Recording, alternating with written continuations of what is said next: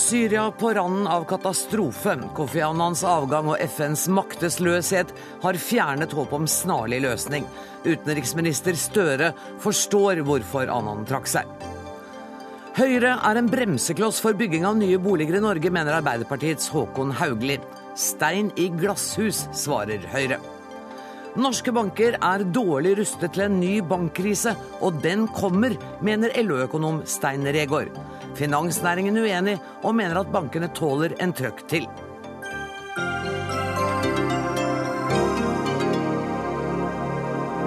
Dette er noen av sakene i fredagsutgaven av Dagsnytt 18, hvor vi også skal møte Sondre Lerche, som nå utgir sin aller første sangbok.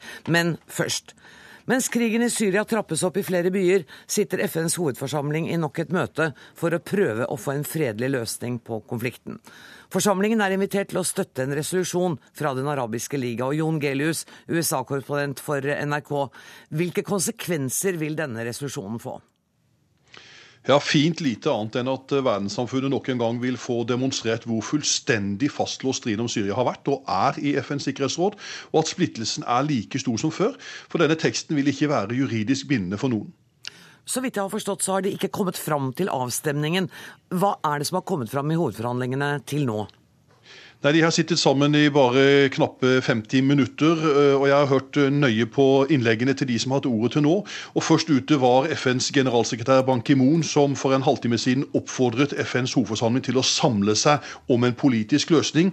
Og Han gikk langt, for han sier jeg vil at befolkningen i Syria skal se at vi har lært av Srebrenica og Rwanda. Så han viser altså til tidligere folkemord, og det er ny tone fra FNs generalsekretær. Like før jeg gikk på lufta nå, så hadde Syrias FN-ambassadør ambassadør også ordet. Han har en annen posisjon naturlig nok. Han sier at denne resolusjonen er hysterisk og villedende, og at den vil sende et galt signal til opprør og ekstremister i Syria, som han kaller dem. Men uansett så er det vel ikke noen tvil om at resolusjonen kommer til å bli vedtatt?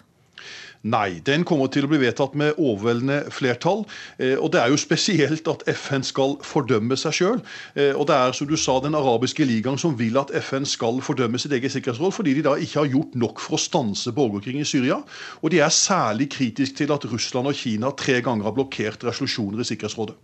Er den kritikken da mot hele Sikkerhetsrådet, eller vil den være rettet mot Russland og Kina?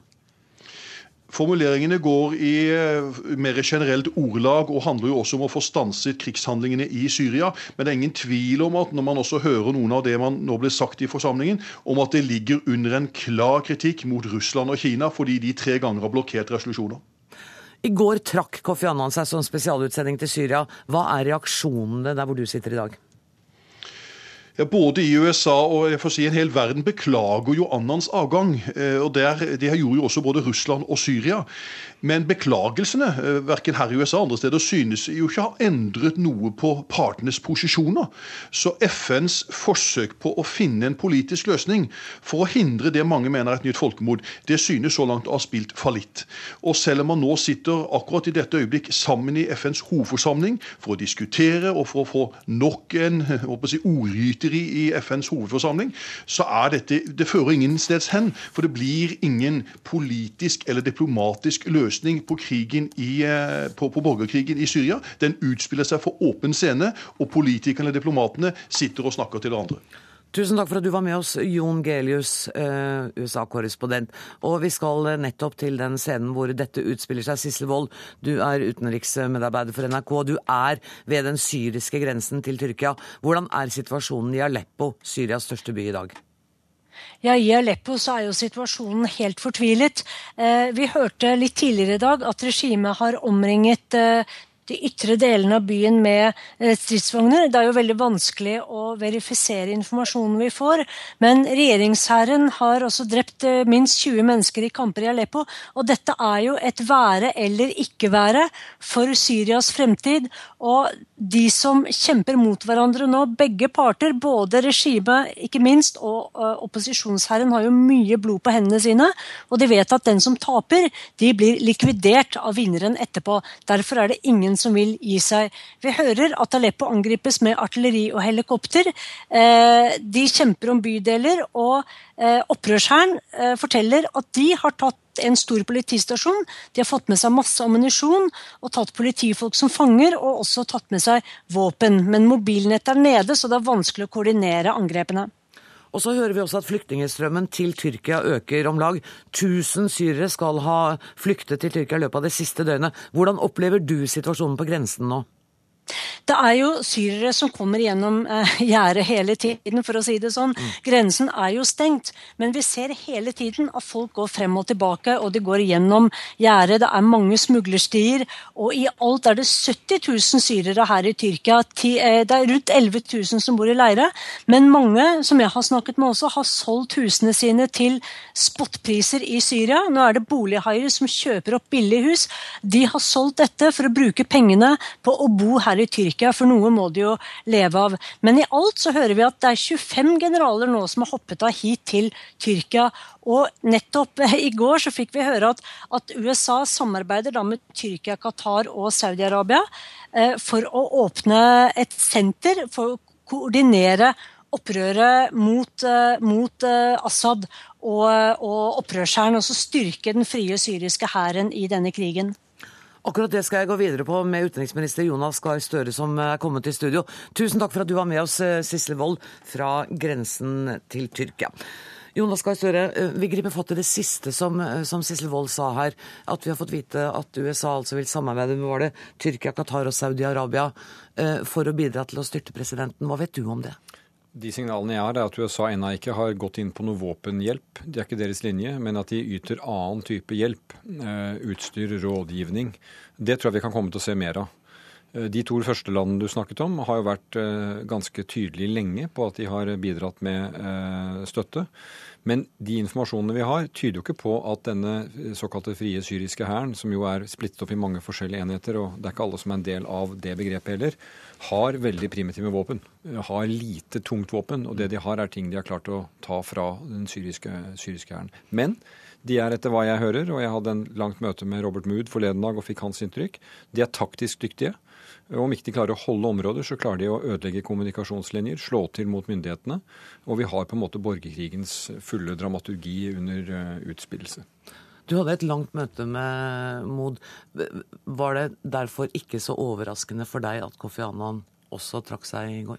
Det har nok veldig mange i det diplomatiske miljøet ventet på. Og jeg forstår at han gjør det. Jeg også beklager det. Fordi at, først og fremst fordi det er jo et uttrykk for at de politiske forsøket på å hindre mer vold og få til en overgang i Syria som ikke er voldelig, mm. den uh, står svakt. Men Kofi Annan har sendt billetten tilbake. Han fikk altså et mandat. Partene ville ikke samarbeide med han. Sekspunktsplanen ble ikke fulgt verken av regjeringen eller av opprørsstyrkene. Og Sikkerhetsrådet var splittet. Så prøvde han enda en stund til, eh, og nå sier han OK, eh, dette er hva jeg har, jeg gir dette fra meg. Det at FNs generalsekretær nå kommer på banen, det er fordi at når Kofi Annan ikke er der, så går ansvaret tilbake igjen i større grad til disse andre. Og det har vært et visst element av at både land og enkeltpersoner har liksom skjøvet Kofi Annan foran seg. Nå er han ikke der lenger, og da går ansvaret tilbake. Men er det, er det så enkelt som at det er Russland og Kina som gjør at det er umulig å finne en løsning i Syria? Altså, de har nedlagt veto i Sikkerhetsrådet, det, det er klart. Men virkeligheten er mer kompleks, selvfølgelig. Og hvis eh, Kofi Annan skriver i internasjonal presse i dag, hvor han retter en særlig oppfordring til USA og Russland om å finne en løsning. Norge har kritisert Russland for sitt veto. Men jeg vil også si at Russland er veldig viktig fordi de har adgang til dette syriske regimet. Jeg tror ikke vi skal overdrive betydningen av adgangen. Jeg tror ikke de kan bestemme hva som skal gjøres. De kan ikke stoppe det, liksom? Nei, det Nei. tror jeg vi har sett klare tegn på at de ikke kan. Mm. Men jeg tror det er helt avgjørende at uh, Russland er fortsatt engasjert. Og at det gjøres bestrebelser på å komme fram til en enighet. Og det Kofi Annan skriver, han, Det er fem faste medlemmer av Sikkerhetsrådet, men han peker på Obama og Putin. Mm. De to landene. Og Finner de en vei, så vil det ha betydning. Det er ikke noe i dag som ser ut som at det vil skje. Den avstemningen som nå kommer i FN, kommer, som du sier, til å gi et stort flertall for en resolusjon som også Norge er medforslagsstiller til. Eh, den er nødvendig fordi FNs land utenfor Sikkerhetsrådet har behov for å si fra hva de mener. Eh, men fortsatt er det Sikkerhetsrådet som tar de store beslutningene for hva gjelder fred og sikkerhet i verden. Du klarer ikke å avslutte dette, dette intervjuet med en litt optimistisk tone på vegne av Syria? Det er ikke lett på, på, på, noe som helst eh, måte. Og dette kan bli verre før det kommer til å bli bedre. Men Hvor maktesløs føler du deg da? Nei, altså Jeg har jo aldri følt at jeg har hatt makt Jo, men over mener- Syria. Men, men det, vi, det vi illustrerer, er at de spørsmålene vi har fått nå i over et år, det er kan det internasjonale samfunnet stå og se på det som skjer? Mm. Det er et godt spørsmål. Men svaret på det spørsmålet måtte jo da eventuelt være på den ene siden nei, vi lager en stor hær og intervenerer. Mm. Det er ingen som går inn for det, for det ville være tror jeg, oppskriften for et forferdelig eh, slakt. Og eh, jeg tror ikke vi er, vi er ikke der. Da sitter vi igjen med virkemidler som handler om press, eh, diplomati, eh, oppmuntringer, press på myndighetene. Kofi Annan skriver i avisen i dag Assad må gå. Det regimet er ferdig. Det tror jeg alle ser. Eh, Men det er overgangen, veien videre. Hvis jeg skal ha noe som er håp, så må det være at man da kommer fram til, etter hvert som utviklingen nå går, forhandlinger i den retningen. Men det som også trekker i gal retning, er jo at denne opposisjonen er splittet. Eh, De er ikke én aktør som vi så litt mer av i Libya. Også der var det fragmenter, men der var det iallfall noe man kunne holde fast i. Så dette er ille, og det er særlig ille selvfølgelig for de sivile i Syria. Og la meg slutte med å si at måten kampene føres på nå, det er internt i Syria, men det er jo langs sekteriske, religiøse, etniske, klanmessige linjer. Og de linjene stopper ikke, mange av dem, ved Syrias grenser. De går over grensen mm. til eh, Tyrkia, Libanon, Irak, nabolandene. Og det illustrerer hvorfor dette også er så farlig. Og hvorfor vi alle føler en viss maktesløshet, ikke bare som utenriksminister, men vi vanlige folk også føler oss men Ja, maktesløse. i verken utenriksminister eller vanlige folk eh, kan, kan gi opp, så vi må fortsette å jobbe. Det som skjer i FN i dag er et skritt på veien, og så får vi håpe at det er mulig å, å samle seg. Men FNs generalsekretærs referanse til Srebrenica og Rwanda var kraftfull kost i dag. Eh, Jeg tror det er grunn til at han gjorde det. Tusen takk for at du kom i studio, utenriksminister Jonas Gahr Støre.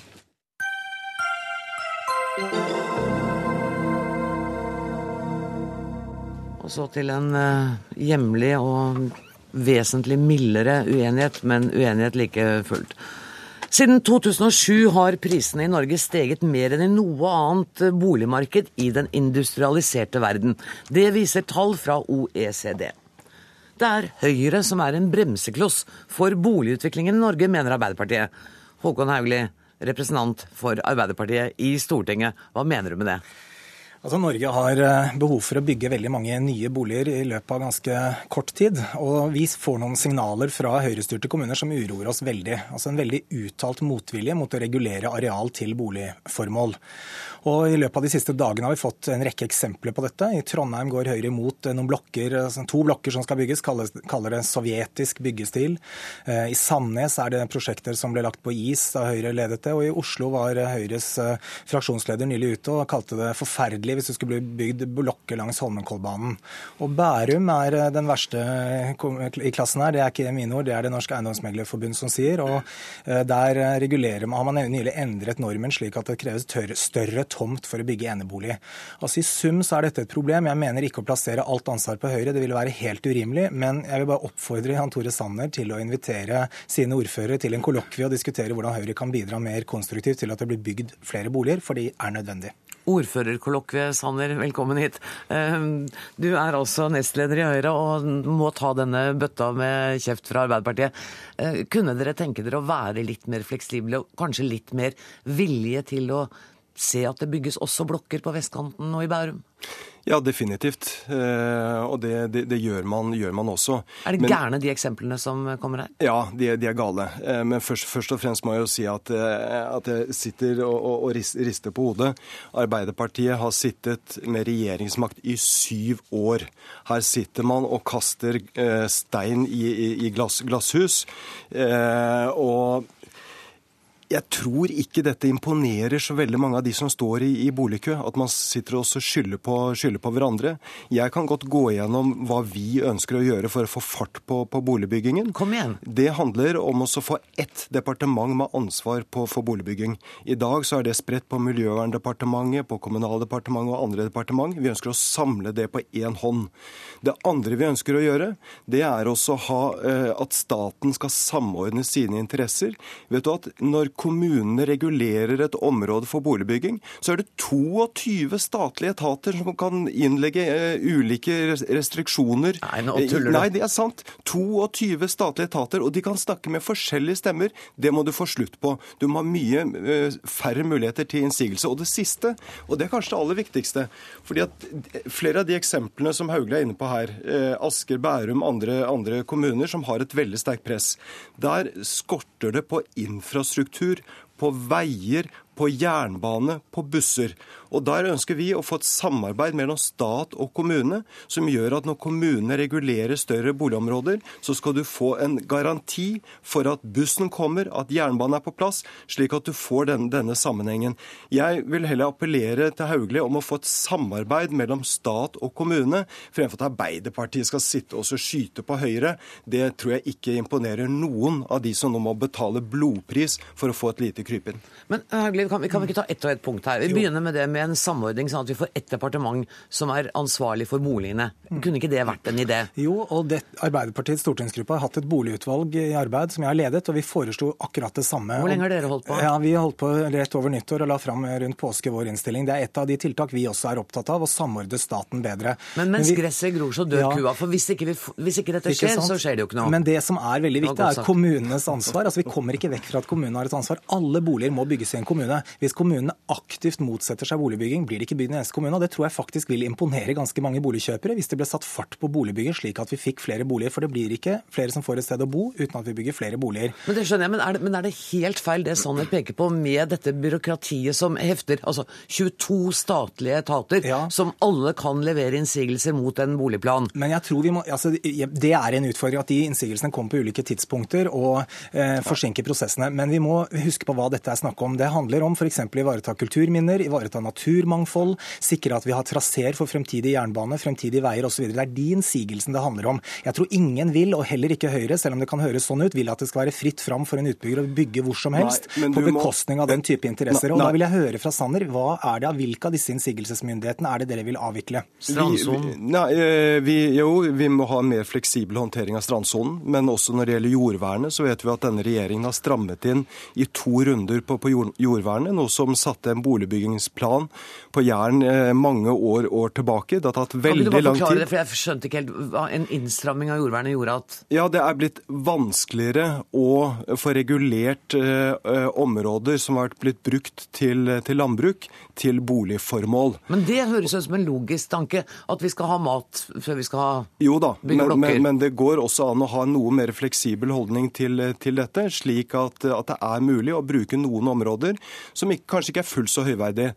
Men det som skjedde med den rød-grønne regjeringen, og Senterpartiet sikkert ved, ved, rattet, det var at man strammet til slik at det ble enda vanskeligere. Slik at en kjempeplan for boligbygging på, på, på Jæren, den ble stoppet opp av denne regjeringen. Nå ser det ut som det kanskje kan begynne å, å, å løsne litt. Men, Men igjen så handler dette om å få til et samarbeid mellom kommune og stat som gjør at vi får fart i boligbyggingen. Og der er, jo, er du på linje? Ja, der er vi på linje. og vi er, vi er, Hvis man tar helikopterperspektiv på Norge, da, ja. så areal har vi nok av. Vi er kanskje et av de få landene i verden som har klart å, å regulere oss til arealknapphet. Mm. Og det skyldes jo at du har en overivrig regjering som detaljregulerer kommunene, og da stopper også boligbyggingen nå. Men vet du hva, Dette synes jeg Vi slutta på en veldig bra tone nå. For dere er enige om at vi trenger flere boliger, og dere er enige om at byråkratiet er en utfordring, og at man må få samordna det. Tusen takk for at dere kom, begge to. Jan Tore Sanner, nestleder i eh, Høyre, og Håkon Haugli, representant for Arbeiderpartiet på Stortinget.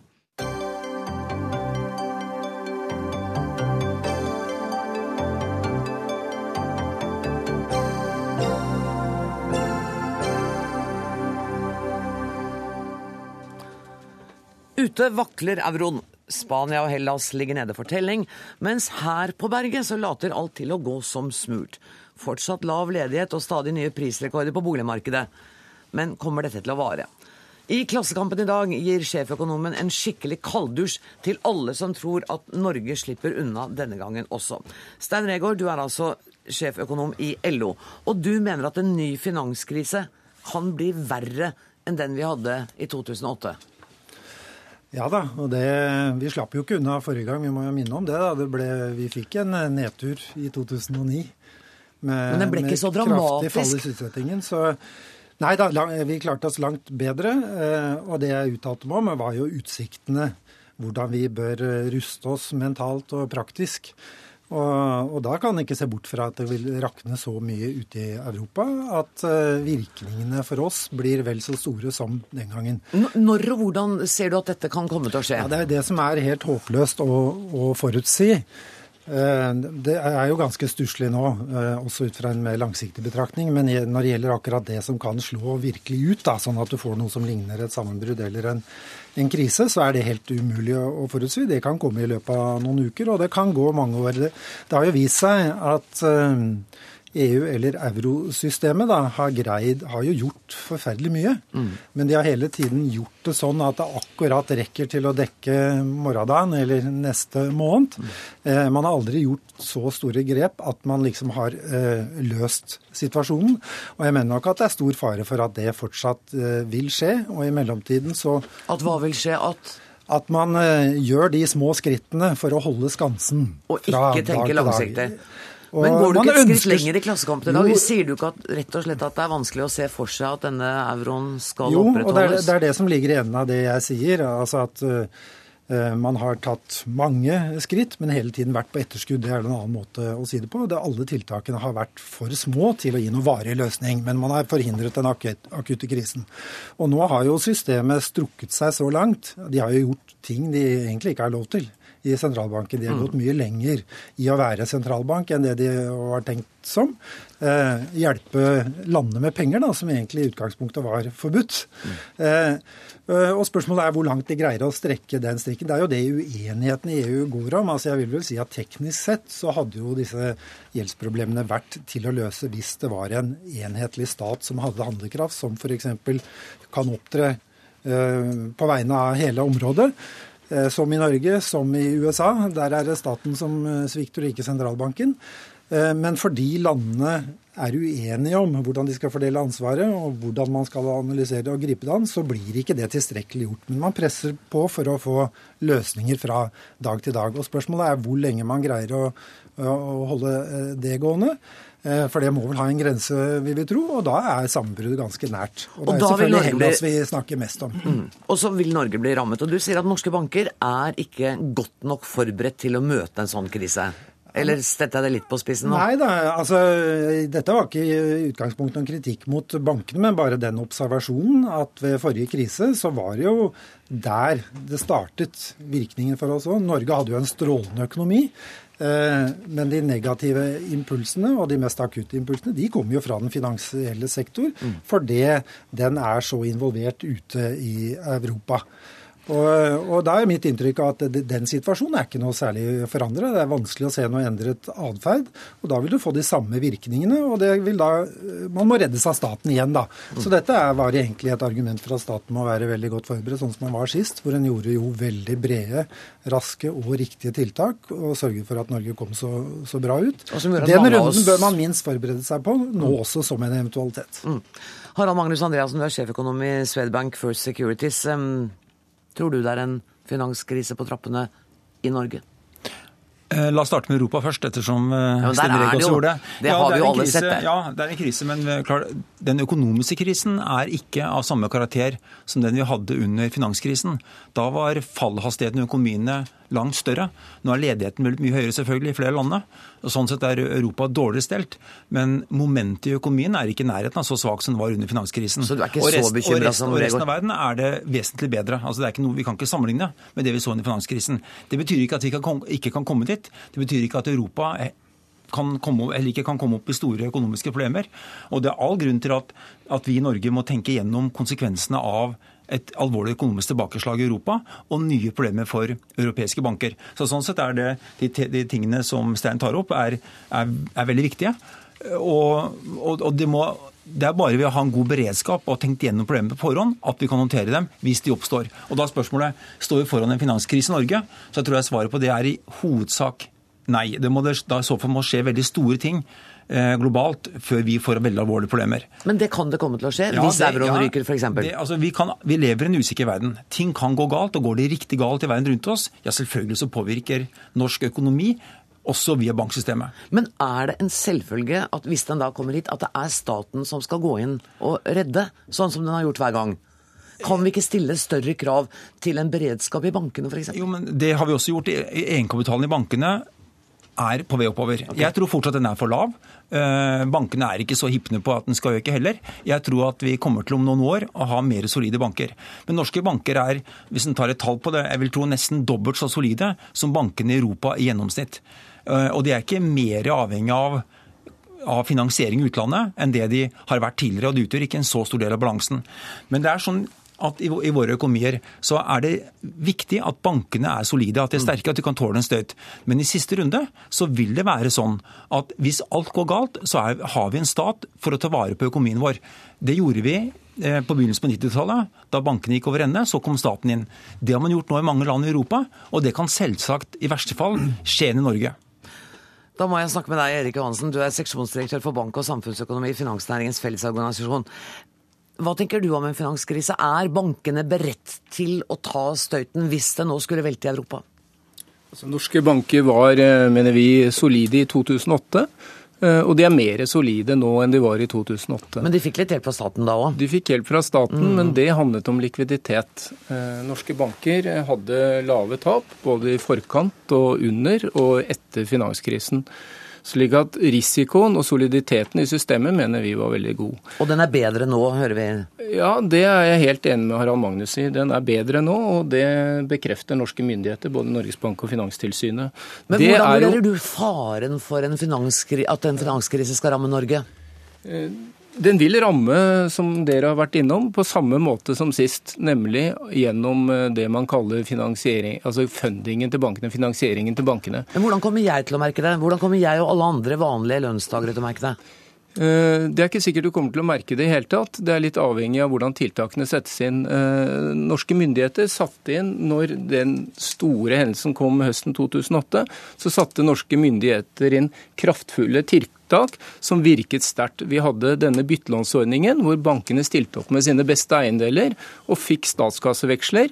Og så øh, etablerte man Statens finansfond. Det var viktige tiltak, i tillegg til Statens obligasjonsfond, som gjorde at øh, markedene ble beroliget. Da må jeg bare ha et kort spørsmål helt til slutt, for vi har gått over tida her. Regård, er det en fare for at bankene bruker den statlige forventede hjelpa litt som en sovepute og lener seg på den? Ja, det er det gode spørsmålet. Altså, jeg, var det det første første gode spørsmålet du fikk i dag? Nei, de to fra bransjen her er optimistiske. Eh, det var de i 2007 og 2008 også, og det gjør meg kanskje litt urolig. Og det kan jo nå virke som at de har basert seg på at staten skal hjelpe til, for det hadde gått riktig galt med norske banker hvis ikke staten hadde stilt opp kraftig den gangen. Kan vi ikke bare krysse fingrene og håpe at det ikke går så ille som noen her tror. Tusen takk for at dere kom i studio, Stein Regård, Harald Magnus Andreassen og Erik Johansen.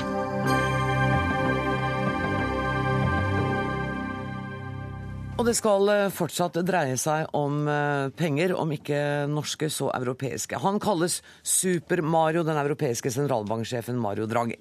Og han har ikke gjort forventningene til seg selv mindre etter at han i forrige uke sa at han vil gjøre hva som helst for å redde euroen. Men i går ble det smertelig klart at heller ikke han kan sette punktum for eurokrisen. Seniorøkonom i Handelsbanken, Ida Wolden Bakke. Du skriver i dagens morgenrapport fra Handelsbanken at det nå kan være et spørsmål om dager eller eventuelt uker før Spania blir tvunget til å be om krisehjelp. Hvordan tenker du deg det? spanske økonomien er i dyp økonomisk krise. Verdiskapningen faller, og arbeidsledigheten har steget til rekordhøye 25% Samtidig har den spanske staten et stort lånebehov eh, for å dekke renter, refinansiere gammel gjeld og finansiere løpende store budsjettunderskudd. Og rentene de må betale for å låne disse pengene i kapitalmarkedene er svært høye, og høyere enn det som er bærekraftig på lang sikt. Men du, jeg, det som har slått meg, altså EU putter penger inn i disse slukene av noen underskuddsforetak som Hellas, Portugal og Spania har vært. Men hvor blir det av de pengene? Det, det, virker jo som de bare forsvinner. Ja, De brukes jo nå da til, både til å dekke altså gjeldsforpliktelser, renter på gammel gjeld. Eh, men i Spanias tilfelle så har budsjettunderskuddene økt kraftig de siste årene, fordi statens inntekter falt kraftig, og utgiftene økte etter den kraftige kollapsen i eiendomsmarkedet i kjølvannet av finanskrisen. Er det ingenting Spania selv kan gjøre? Er de helt nå avhengig av den, det som kommer til å bli at de må be om en økonomisk krisehjelp? Ja, jeg tror de er avhengig av det for å få ned statsrentene. De høye statsrentene skyldes også at eh, investorene nå frykter at euroen ikke vil bestå.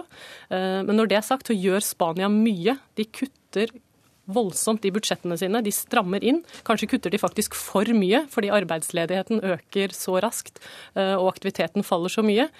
Og de gjennomfører også omfattende reformer. Men de gir først avkastning på lengre sikt. Jeg må også spørre deg, for Vi hadde jo, som du hørte, en, eh, en samtale her om norsk økonomi, og hvor du hørte sjeføkonom Stein Regaard være bekymret på euroens vegne, at den kanskje kan komme til å rakne. Hva tenker du om euroens fremtid? Jeg er også bekymret. Eh, jeg tror eh, f.eks. at sannsynligheten for at Hellas eh, forlater eurosamarbeidet er ganske stor. Men nå signaliserte sentralbanksjefen, selv om han altså skuffet markedene nå i går, ja. så signaliserte sentralbanksjefen at den europeiske sentralbanken er villig til å gå langt for å bevare euroen. Ved å støttekjøpe statsobligasjoner fra de kriserammede landene. Vi skal snakke litt mer om Spania, for vi har med oss eh, Torgeir Larsen, som er statssekretær i Utenriksdepartementet nå, men som tidligere var Norges ambassadør til Spania. Eh, og Torgeir Larsen, når du ser på Spania, er dette først og fremst en økonomisk krise, eller mer en sosial, dyp krise? Det, det begynte jo eh, som en økonomisk krise. Men i dag, og det har det vært i flere måneder i Spania, så er det, vil jeg si, eh, i første rekke eh, utviklet seg til en nokså dyp sosial krise og begynnende politisk krise. Eh, ikke ulikt for så vidt i, i Hellas, men vi snakker altså om en, et samfunn der altså hver femte person i arbeidsstokken er arbeidsløs, og hvor halve arbeidsstokken blant de unge er arbeidsløse. Hvor 40 000-50 000 har emigrert bare siden jul. Hvor en hel generasjon utdannede mennesker eh, ser at eh, det er lite utsikt for jobb i landet.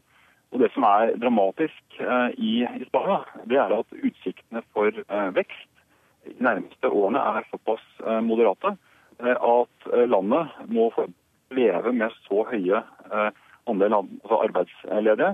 Og det, det, koster selvfølgelig på alle mulige måter. Ikke minst også politisk, hvor vi ser at den regjeringen som sitter i dag, som vant regjering vant klart for et år siden, eh, allerede eh, sliter. Og det er ikke slik da at opposisjonen, sosialistene, eh, tjener, men det er på en måte avmaktsfølelsen og mistilliten til politikken som, som, vises. Og det, det er en sånn skremmende bølge vil jeg si, bak altså alt pratet som er viktig om, om euroen og om, om, om renteføtter. Så er det en, en etter hvert dyp sosial krise. Og så ser vi også, syns jeg, en økende politikerforakt eh, blant spanjolene, blandet med eh, denne håpløsheten og manglende tro på framtida. Ja, og det, det, er ikke så, så, rart eh, når vi vet at det nå må kuttes, og det kuttes vanvittig samtidig som da det å kutte ikke nødvendigvis er, er nok. Vil si at avmaktsfølelsen i politikken eh, brer om seg. Det har vi sett i, i Hellas, og vi ser det eh, også i, i, i Spania. Og det er en, en, en situasjon hvor sant, Når det gjelder Spania, så er det i første rekke en privat gjeldskrise. Skiller seg en del fra en del av de andre landene. Det er da en boligboble. Mm. Mange sitter med store eh, lån. Eh, boligene synker i verdi. Eh, man får ikke omsatt de. folk må da ut av, av husene sine, satt på gata. Eh, eh, og dette ber om seg, og det er ikke håp i sikte i forhold til å få jobb, f.eks. Og det er klart at det gjør noe eh, med et samfunn. Det var ikke noen lystelig avslutning på denne samtalen heller. Det er store problemer, og vi ser jo ikke noen umiddelbar løsning på dette, Ida Wolden Bakke. Nei, det gjør vi ikke tiltak fra Den europeiske sentralbanken kan hjelpe, i hvert fall på kort sikt. Så Sånn sett så ble jeg oppmuntret av signalene fra sentralbanken i går. Men krisen er på ingen måte løst. Lite gnist av optimisme var veldig deilig denne fredagen. Tusen takk skal du ha, Ida Wolden Bakke, og takk til eh, Torgeir Larsen.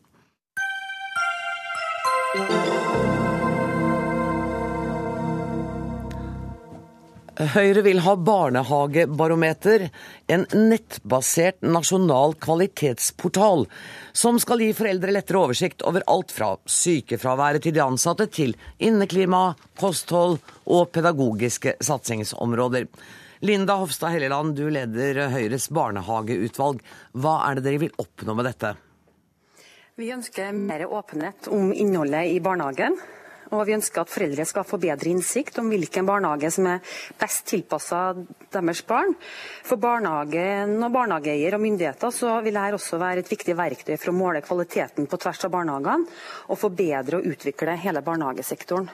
Hva, Og det skal kunne- barne- hva, skal, hva, skal, hva skal man kunne se på dette barometeret, bortsett fra det jeg nevnte om pedagogiske prioriteringer og inneklima? Nei, Da kan eh, foreldre, når man da skal velge barnehageplass for sitt eh, barn, gå inn på da en portal i sin kommune hvor all tilgjengelig eh, informasjon om barnehagen som i dag finnes, legges ut for foreldrene. Og Det er da snakk om brukerundersøkelser, og det er snakk om f.eks. det som mange foreldre er opptatt av, nemlig stabiliteten blant de ansatte i barnehagen eh, for, å få trygghet for eh, sitt barn. Og Det er informasjon som barnehagene og kommunene har i dag, og da syns vi det er rimelig at foreldrene også skal få innsikt i det her. Og selvfølgelig så er det mange foreldre som besøker barnehagen og, og snakker med eh, naboer og andre kjente, men vi ser ikke noe galt i at kunnskap og nasjonale kvalitetsindikatorer som forteller noe mer om junge, enn Jungeltelegrafen gjør, også skal være tilgjengelige for foreldrene. Men da vil du jo kunne få en rangering av barnehagene, hvor f.eks. én barnehage blir kjempepopulær og scorer høyt på alle de viktige områdene. Og så blir den sprengt. Hvem er det da som skal avgjøre hvilke unger som får plass i den barnehagen? Høyres barnehageutvalg har nå laga eh, eh, også hvordan vi ser for oss framtidas eh, barnehager. Og Da legger vi til grunn at vi har full barnehagedekning. Og selv om de fleste foreldre vil nok velge nærbarnehagen sin, så ønsker vi et stort mangfold eh, med høy kvalitet i sektoren. og Da skal det da være mulig for foreldre å kunne velge blant alle barnehager i sin kommune hva som er best for sitt barn. Nå er det mange barnehager som spesialiserer seg innenfor kultur og innenfor friluftsliv, innenfor marine barnehager og andre ting. og Da bør alle foreldre eh, få kunnskapen om hva som finnes i den enkelte barnehage. Og som du er inne på da, Hvis noen barnehager eh, gjør det for dårlig, ingen foreldre vil at ungen skal gå der, ja, så er det kanskje da et, eh, et sunnhetstegn på at vi får luka vekk noen av de dårligere barnehagene eh, som vi har. Og så vil jeg understreke at De aller aller fleste barnehager vi har, er fantastiske, gode barnehager. Men Høyre ønsker at de skal bli enda bedre, og ikke bare satse på antall barnehageplasser, men også nå på innhold og kvalitet. Mm, Da skal vi høre hva Arbeiderpartiet sier. Dette er glad for at du, Håkon Haugli, har eh, tid til å tilbringe det meste av kvelden her eh, i og utenfor Dagsnytt 18-studio. Du er altså, som jeg sa i stad, stortingsrepresentant for Arbeiderpartiet, og nå skal du snakke om barnehager. Um, det høres jo fornuftig ut å få en vurdering av barnehagene som er tilgjengelig for alle foreldre. Ja, altså, Jeg har hatt litt problemer med å forstå hva dette forslaget egentlig går ut på. Jeg er veldig glad for at Linda Helleland sier til slutt dette med at vi har gode barnehager i Norge. fordi det er veldig viktig at vi ikke skaper inntrykk av at de er dårlige. Det er faktisk sånn at 97% av alle barnehageforeldre er fornøyde med barnets trivsel i barnehagen, og 90% er også totalt fornøyde med eh, kvaliteten på barnehagetilbudet. Det som er vår uro her, det er om vi lager et nytt byråkrati. Er det sånn at det kommer eh, at de barnehageansatte skal bruke tida si på å rapportere inn eh, ny informasjon? Skal de kommuneansatte heller bruke tida på å analysere og legge ut denne informasjonen på nett, enn å gjøre det som faktisk virker i forhold til kvalitet? Og det er å rekruttere og gi opplæring til eh, personell i barnehagen. Vi vet at de voksne i barnehagen er helt avgjørende for kvalitet. Men mener du at det ikke er behov for denne type barometer i det hele tatt når det gjelder barnehager? Altså Jeg har fortsatt problemer med å gripe hva forslaget faktisk eh, går ut på. Jeg tror det å rangere barnehager på basis av de ansattes sykefravær f.eks. vil være helt galt. Jeg vil gjerne at Linda Helleland kommenterer det, om det er det som ligger inne. Er det det, Eh, Helleland? Jeg er veldig glad, glad for at, eh, for at eh, jeg tar opp nettopp det som går på rangering. Eh, For det er noe som aldri vi har snakka om. Her er det snakk om å gjøre den informasjonen som eh, barnehagene i dag sitter på, som kommunen sitter på, tilgjengelig for eh, foreldre. Det er ikke snakk om noe eh, rangering. Eh, Men vi vet jo det. at Men det det vil jo er føre ting til en rangering hvis unnskyld meg, hvis én barnehage har ekstremt lavt sykefravær blant de ansatte, har de beste pedagogiske eh, prioriteringene, er mest på miljø, best på inneklima, så er det klart at da vil flest foreldre søke dit, selv om den barnehagen ikke ligger akkurat i nabolaget. Jeg ønsker at eh, de aller fleste barnehagene skal bli best mulig. eh, Og vi vet at det er noen barnehager som ikke holder mål, og at de blir luka ut. Det er kanskje en god ting. Eh, Et sånt barometer vil også inneholde tilsynsrapporten. Og Det tror jeg også eh, mange foreldre vil legge stor vekt på. Og så er jeg glad for at også det pekes her på det, om det skal øke byråkratiet. og Dette er nettopp et av, en av årsakene til at vi ønsker å få den informasjonen her tilgjengelig på nett. For Høyre er bekymra for at altfor mange ansatte i barnehage bruker for mye tid på papirarbeid og for lite tid eh, til ungene. Fordi det er allerede i dag et massivt byråkrati. Får man det her på nett, som oppdateres jevnlig, så vil det her spare eh, tid til arbeid med, med ungene. Og så er det jo sånn at eh, da må du gjøre det kort mellom, på slutten her. Ja. Eh, unger i dag bruker mellom 30 og 40 timer i barnehagen eh, i løpet av en uke. Eh, sektoren omsetter for over 40 milliarder. og Det betyr at vi må stille krav til hvordan innholdet og kvaliteten er. Og Hvis det er noen dårlige barnehager som vi luka ut av et sånt barometer, ja, så ser jeg faktisk ingenting negativt i det. Ja, ja altså jeg, er, jeg, tror vi er enige om målet, og det er eh, gode, trygge barnehager for alle barn. Vi er veldig nært det i dag. Det, kommunene har en veldig viktig oppgave med å føre tilsyn med barnehagene. Der kommer mange variabler inn, bl.a. av sykefravær, som Høyre er opptatt av. Men det er viktig at folk foretar valg på de riktige eh, grunnlaget, og det er det som gjør oss veldig urolige i forhold til dette. her. Og igjen, det er viktig at de barnehageansatte bruker tida på det som virker, og det er å være sammen med barn, og det må være kvalifisert kompetanse i barnehagene. Vi er heller ikke for å øke det kommunale byråkratiet. Nå er vi i den situasjonen at vi har det på laveste antall administrative stillinger i kommunene på en tiårsperiode. Eh, det er eh, viktig og bra. De kommunale ressurser skal brukes på å løse velferdsoppgaver, ikke på å analysere eh, tall. vi er nødt til å sette strekk, men jeg tror at dere begge to er enige om at byråkratiet skal i hvert fall ikke økes, enten med eller uten en sånn portal. Tusen takk for at dere kom, Håkon Hauglie, Arbeiderpartiet, og Linda Hofstad Helleland fra Høyre.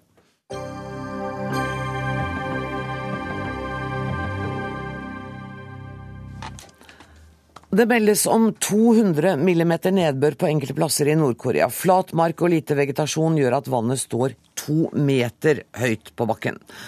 Torben Henriksen, du er programkoordinator i Røde Kors. Hvor alvorlig er situasjonen i Nord-Korea nå? Ja, Det er en svært dramatisk situasjon som vi ser eh, utspiller seg i Nord-Korea. Det er et uh, samfunn som er svært sårbart fra tidligere, og nå blir situasjonen ytterligere forverra. Det var en dramatisk eh, sultsituasjon der eh, på midten og slutten av 90-tallet. Og nå har avskogingen som man har gjennomført, ført altså til at det finnes ikke nok trær til å ta unna for dette reidet. Det virker jo som om myndighetene i landet må ta noe av ansvaret for de katastrofene. Ja, Det er en, en, svært dramatisk situasjon for hele landets befolkning. Selv innbyggerne i Pyongyang har for lite mat. Og Det er noe vi selvsyn ser når vi er der. Eh, på landsbygda så er situasjonen enda verre.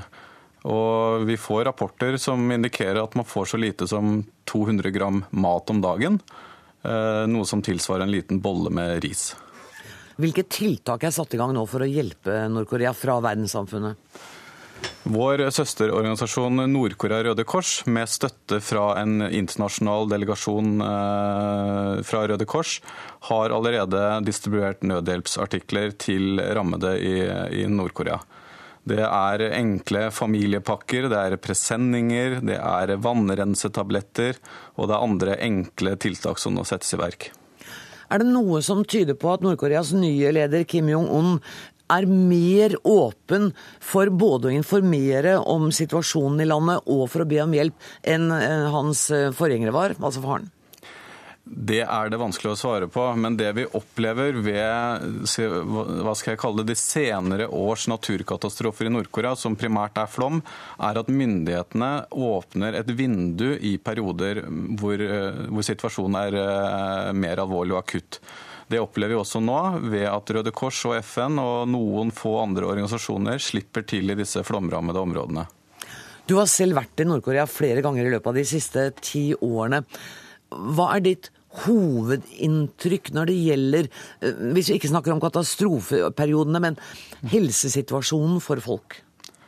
Mitt hovedinntrykk, eh, sagt med ett enkelt ord, er statisk. Altså, det er en statisk situasjon i den forstand at den, det er lite endring. Vi ser alltid etter endring når vi er der.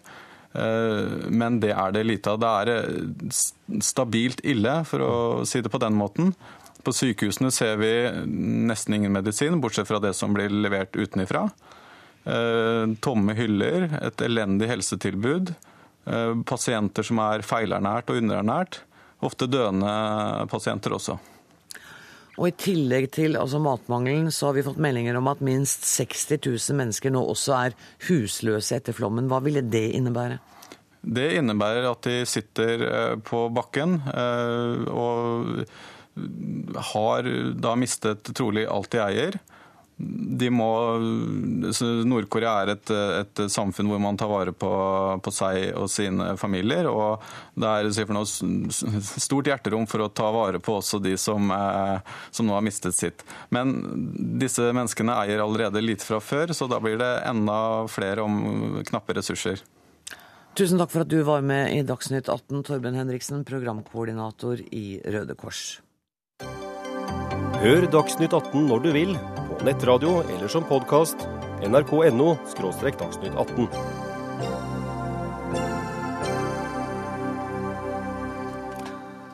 Korrupsjonsanklager og 18 milliarder tapte kroner, det er kortversjonen av Telenors India-satsing så langt. Men nå i ettermiddag kan saken ha tatt en ny vending. Glenn Mandeli, informasjonssjef i Telenor, du er med oss fra Telenors Asia-kontor i Bangkok. I februar så ble dere fratatt mobillisensene fordi disse skal bli tildelt på ulovlig grunnlag. I dag har Indias regjering vurdert hva minsteprisen skal være når disse nå skal auksjoneres bort på nytt. Hva vet du nå om hva som ble avgjort på det møtet? Eh, det har, det har, vært et møte i indiske myndigheter i dag hvor de eh, vedtok at minsteprisen for å delta i auksjonen vil være 140 milliarder indiske rupi. Eh, dette er da lavere enn det som regulatøren i India hadde foreslått tidligere. Hvor mye tilsvarer det norske det penger? Det er 11 øre per krone, så ca. 15 milliarder norske kroner. OK, jeg avbrøt deg. Bare fortsett, du. Ja, det, når telekomregulatøren la fram eh, sitt forslag til eh, auksjonsretningslinje, så var det da fire punkt som Telenor var veldig tydelig på at måtte endres for at vi helt tatt skulle være i stand til å delta i en, i en auksjon. Mm. gjennom sommeren har det vært flere møter blant politisk ledelse i India hvor de, disse elementene har falt på plass. og Vi ser nå at alle fire elementene som vi var opptatt med, har eh, indiske myndigheter tatt steg i positiv retning på. Den summen som du nå refererer til, eh, som altså er ca. 15 milliarder kroner, er det en sum som er på et nivå som gjør at Telenor nå kommer til å satse videre og delta i auksjonen om lisenser? Ja, Det må vi vente litt. Dette er de politiske føringene som, som nå er lagt. Nå må vi vente på at vi får et komplett auksjonsdokument der alle betingelser knytta til både gjennomføring av aksjon, og vi får en fullstendig beskrivelse både av hvilke rettigheter og plikter som følger med lisensene. Der dette kommer klart frem. Først når vi har dette, er vi i stand til å gjøre de nødvendige vurderinger knytta til en eventuell deltakelse i en, i en auksjon. Tidligere år så måtte dere altså nedskrive 18 milliarder kroner som dere har investert i landet. Og investorene reagerte jo positivt faktisk på nedskrivningen. Eh, markedet reagerte positivt, og, kursen gikk opp. Var dere overrasket over det? Nei, vi er ikke overraska. Eh, investorene har jo lenge vært skeptiske til, til Telenors eh, engasjement i India. Eh, vi mener jo at den initielle negativiteten var knytta til skepsisen var knytta til om vi ikke hadde troa til at vi skulle lykkes i, i, den tøffe konkurransen som det indiske markedet var. Mm. Nå sånn som eh, Uninor har utvikla seg eh, over tid, så ligger de jo på eh, an til å nå de målene som, som Telenor da lovte investorene da vi, da vi gikk inn. De utfordringene vi ser nå, er jo mer knytta til, til, regulatoriske forhold som vi ikke hadde kontroll over da vi, da vi gjorde beslutningen om å gå inn i India. Mm. Men, men, investorene har jo med den kursoppgangen signalisert vel at de hadde vært like glad om dere hadde trukket dere ut av India? Ja, det har vært Vår ambisjon er jo å, å, fortsette med mobilvirksomheten i India. Eh, det som er viktig, er at det må skje på, på vilkår som vi skal kunne forsvare. Og, og Når vi nå ser på å gå inn i en, eh, inn i en ny auksjon, så må jo det være på, på bakgrunn av at vi klarer å gjøre nødvendige vurderinger og beregninger som viser at det her er vil være et lønnsomt uh, business case for, for, Telenor. Men noen snubletråder ligger foran dere fortsatt. Altså Både er det spørsmålet om disse lisensene, men det er også samarbeidet med Unitec som nå er historie. Ja, Vi har vært, vi har vært veldig tydelige uh, på at vårt samarbeid med, med Unitec ikke har noen fremtid. Og vi har starta en prosess nå for å for å gå inn i en auksjon med et nytt selskap og finne en ny indisk partner. Men Unitec gir seg jo ikke uten protester her? Nei, eh, både vi og Unitec er vel enige om at eh, partnerskapet er over. Vi har sagt at vi vil ha en eh, ny partner, og de har sagt at de vil ut av Telekom. Det vi nå er uenige om, er hvordan det partnerskapet skal, skal skilles, og hvordan eventuelle verdier skal deles. Ja, for det er riktig at Unitec forsøker å stoppe salget av uh, selskapet Uninor, ikke sant? Eh, de, Unitec er uenige med oss i hvordan verdiene eh, av selskapet skal deles, og de har tatt rettslige skritt for å prøve å stoppe eller forsinke prosessen. Ole Petter Kjerkreit, du er Telenor-analytiker i ABG Søndal Collier. Hvordan vurderer du denne situasjonen? Situasjonen er jo veldig vanskelig. Nå har vi fått en, en avklaring forhold til minsteprisen. Eh, men det er klart, eh, for de områdene der Telenor har sagt de ønsker å satse videre på, så snakker vi om en, eh, en prislapp på 8 milliarder for, for, å fortsette. Og det er en operasjon som som eh, er sårbar og går med store tap. Så, så det er å, innføre de rammene som Telenor har signalisert overfor investormarkedet at man ønsker å, å bruke på, på, India, de totale beløpene man ønsker å investere, så, så ser ikke jeg et rom for å bruke 8 milliarder kroner til. Så jeg forventer at uh, om Telenor velger å, å, å, satse videre i India, så vil det i hvert fall i, i færre områder og en mer nedskalert virksomhet enn det man Eh, så langt har, har, bedrevet. Men det har jo Telenor også sagt, at de reduserer fra 13 til 9 områder. Er det en nedskalering, som du sier, en nedskjæring som er god nok?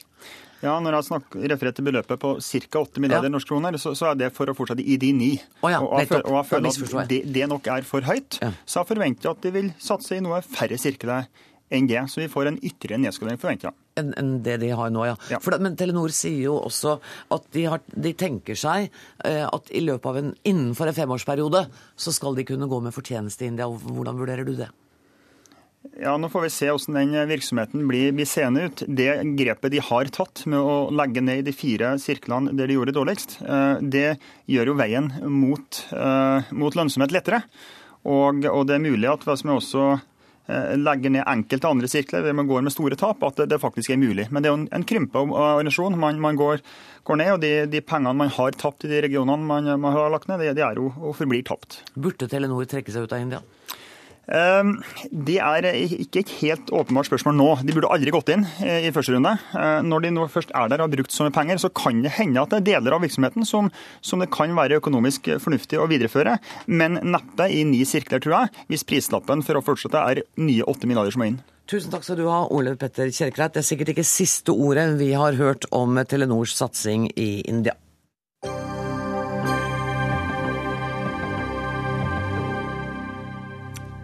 Jeg har skrevet min første sangbok.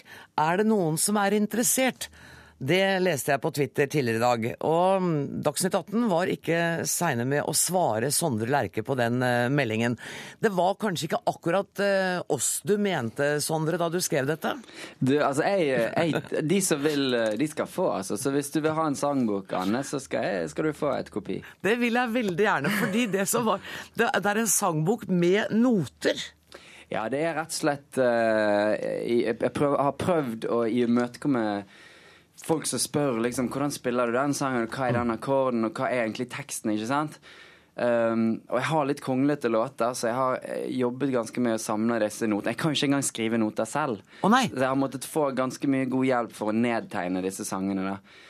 Men ute på internett så fins det jo på en måte fortolkninger, og folk har lagt ut sine akkorder og sine noter og sånn, og så er det ikke alltid sånn jeg hadde som intensjon at låten skulle være. Så det er liksom et forsøk på på en måte eh, Forhåpentligvis hjelpe folk å, å, åpne opp for de meget spesielt interesserte som har lyst til ikke bare å høre sangene, men å lære å spille dem. Men, men, det er klart det er et meget begrenset uh, marked, vil jeg anta. Da, og Det var derfor jeg tenkte å spørre folk nå. Ja, nå jeg har jo laget boken, så det er for seint, egentlig. Men da har du, du har jo én, du har jo meg, da. Ja, og jeg fikk svar fra ganske mange andre som sa at ja, det, det, det jeg, vil ha et kopi.